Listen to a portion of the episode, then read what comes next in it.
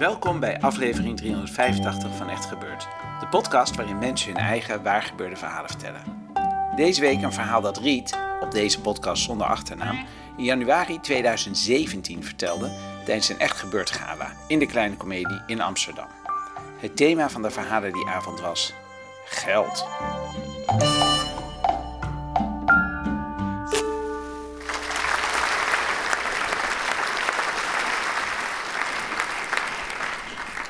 Mijn verhaal uh, speelt zich af in 2002. Het was het jaar dat de euro was ingevoerd.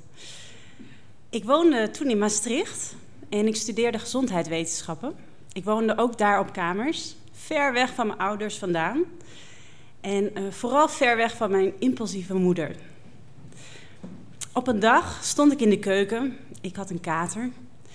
En mijn nieuwe huisgenoot kwam de keuken binnen. Anna heette ze. Ze had een dikke bontjas aan en prachtige rode krullen. Ze zag er echt waanzinnig uit. Anna vertelde gelijk honderd uit over haar uh, nieuwe vriend. En haar nieuwe vriend was ook de baas van haar werk.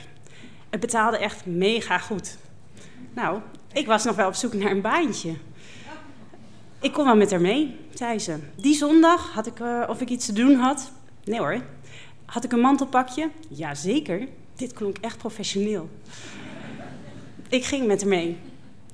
Nou, die zondagmiddag liepen wij naar het Vrijthof toe. Daar was de bijeenkomst uh, in een zaaltje van dino's. Wij kwamen aan bij de dino's en de man achter de bar... die stuurde ons gelijk door naar boven. Wij de trap op, een deur door...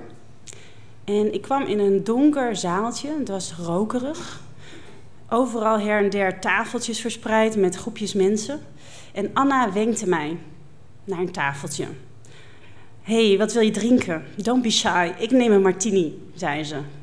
Oké, ik bestelde ook een martini. Toen werd het stil en de gordijnen gingen open. Een man verscheen op het toneel en hij stelde zich voor, Danny van Wijk. En hij glimlachte naar ons tafeltje. Ja, dit moest dus die nieuwe vriend zijn van Anna.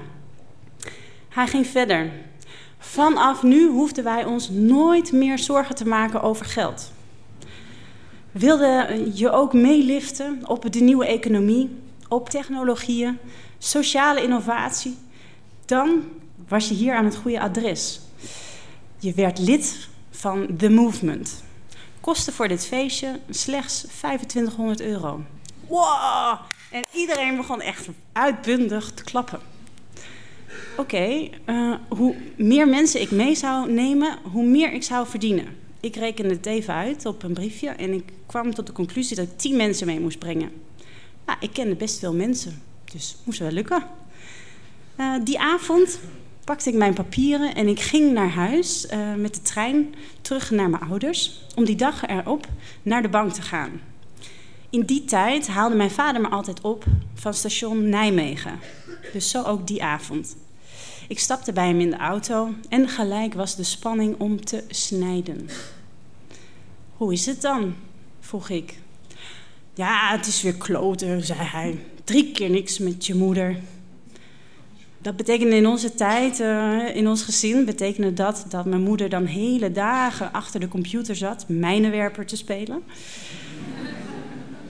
En dan kon ze in één keer weer plots vertrekken. En dan was ze drie dagen bijvoorbeeld kwijt. Goed, nu zat ze dus in een periode dat ze weer achter die computer zat te gamen. Terug naar die auto. Mijn vader vroeg: hey, uh, wat kom je eigenlijk doen?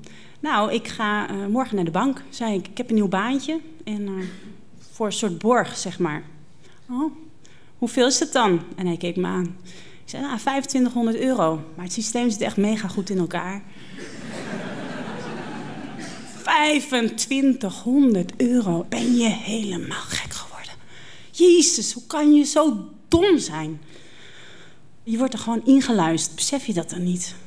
Net je moeder. Ook nooit overzicht. Ja, Jezus, pap, uh, jij moet altijd op safe spelen. Dat jij nou je hele leven bij dezelfde baas werkt.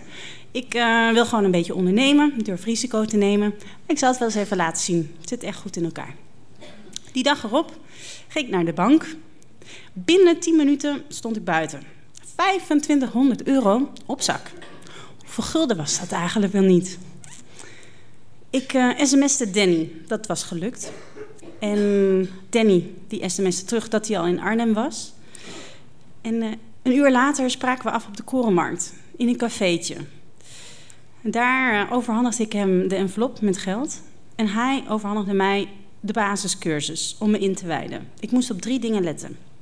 1. Wie nodig je uit? Mensen die van avontuur houden, met lef, groot sociaal netwerk, maar bovenal mensen met een eigen mening. Jeetje, hier was ik echt voor geschikt. 2. Hoe nodig je mensen uit? Je checkt of mensen uh, bij welke bank ze zitten. Of ze een stufie ontvangen. Hebben ze een propenduizen al? Werken ze? Of hebben ze een BKR-registratie? En als derde moest ik letten uh, op hoe ik mij gedroeg tijdens de meeting. Ik vrolijk, dan mijn gast ook enthousiast. Oké, ik kon dit, dacht ik. Huppakee, we gaan ervoor. Twee dagen later had ik in Maastricht een kerstdiner met vriendinnen. En op de weg terug naar huis fietste ik met Kim mee. En Kim vertelde mij dat ze op zoek was naar een baantje. Goh, is de stufie niet alleen genoeg dan? Bij welke bank zit je eigenlijk? Heb je je propenduizen al? Nee, ik had namelijk een heel goed baantje. Vrienden echt mega goed. Oh, zei ze. Ze was wel uh, geïnteresseerd. Die zondag was Kim mijn gast. Wij naar de dino's, mantelpak, hoge hakken aan. We zagen er super sharp uit. Wij naar boven bij de dino's. Aangemeld, deur gaat open. Danny komt op. En weer uitbundig applaus. Ik nam een slok van een martini. Ik Kim ook. Yes, 300 euro die avond binnengetikt. Wauw, hoeveel gulden was het eigenlijk wel niet? Ja, dit ging, uh, dit, ging, dit ging lekker. De vaart zat er goed in. Die uh, dagen die volgden, belde ik alle mensen die ik kende. Iedereen die ik in mijn telefoon had staan. Alleen niemand was op zoek naar een baantje. Toen sprak ik Mariska, een vriendin van mij, die ik nog kende van de middelbare school. En ik uh, interesseerde haar om mee te gaan naar die meeting. En ze bleven maar hele moeilijke vragen stellen. Goh, ik heb laatst iets bij opgelicht gezien, zei ze, de Freedom Travel Club. Nee, dit is heel anders. Die dag erop ging ik naar de universiteit om op het internet te gaan. En ik googelde opgelicht, Freedom Travel Club. Mm. Ik kreeg het piramidespel uitgelegd. Mensen leggen heel veel geld in, worden nog meer geld beloofd hoofdactiviteit is het meebrengen van andere gasten. En uiteindelijk lukt het je dus nooit. Het geld wat je hebt ingelegd, ben je kwijt. Shit. Oh nee, was ik echt zo dom geweest. Oh. Maar wacht. Danny wist nog niet dat ik het wist. Ik had dus eigenlijk een voorsprong op hem. Uh, dus een paar dagen later zou ik die 300 euro ontvangen en ik ging gewoon al mijn geld terugkrijgen. Ja, zeker. Een paar dagen daarna zaten we dus eh, bij Dino's op het terras. Danny en Dennis komen aanlopen. Ik zit daar. Zij overhandigen mij het geld, 300 euro. En ik zeg: Hé, hey, ja, ik heb me bedacht. Net als dat je in een winkel met een bonnetje je product terug kon brengen. Zo werkt het eigenlijk ook. Ik uh, wil graag mijn geld terug. Alles. Al het geld. Hier zijn alle tekeningen die ik uh, uh, heb ondertekend. Alle, alle papieren. Graag al mijn geld terug. ja, dame. Zo werkt het niet. Gewoon mensen meebrengen jij. Dan krijg je je geld terug. Ze lachten, stonden op en liepen weg. Dat weekend ging ik naar huis, naar mijn ouders. En ik vertelde het hele verhaal. Nou, nu, uh, vele jaren later, zijn mijn ouders gescheiden. Mijn vader zit ook ergens hier in de zaal. We hebben het er nog even over gehad uh, ter voorbereiding. En hij, hij zei me ja, dat het uh, een moeilijke tijd was. Uh, drie puberende meiden, een moeder die alle grip verloren had. Bovendien zei hij ook dat hij ook een keer met een piramidespel mee had gedaan. ja, mijn moeder heeft laatst een speeltuin gebreid. Gaat supergoed. Ze is heel gelukkig. Ik lijk best wel op mijn moeder. Ja, ik ben er ook wel trots op. Maar bovenal lijk ik op mezelf. Dankjewel.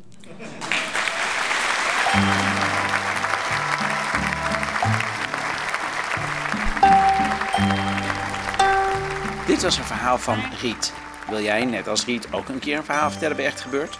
Voor onze edities in het komend half jaar zijn we nog op zoek naar waar gebeurde verhalen bij de thema's woede, het huwelijk, het dorp, Israël, dromen en verslaafd. Als jij een mooi verhaal hebt dat bij één van die thema's past, kun je ons dat laten weten via het aanmeldformulier op onze website echtgebeurd.net. En als het verhaal ons geschikt lijkt, neemt een van onze redacteuren contact met je op. Die redacteuren zijn Paulien Cornelissen, Tom van Rooyen, Renette Kwakkenbos en ikzelf, Mieke Wertheim. Onze zakelijk leider is Hanne Edbingen. De zaaltechniek van deze aflevering was van Nicolaas Vrijman en de podcast wordt elke week gemaakt door Gijsbert van der Wal. Dit was aflevering 384. Bedankt voor het luisteren en vergeet het niet. There's no such thing as a free martini.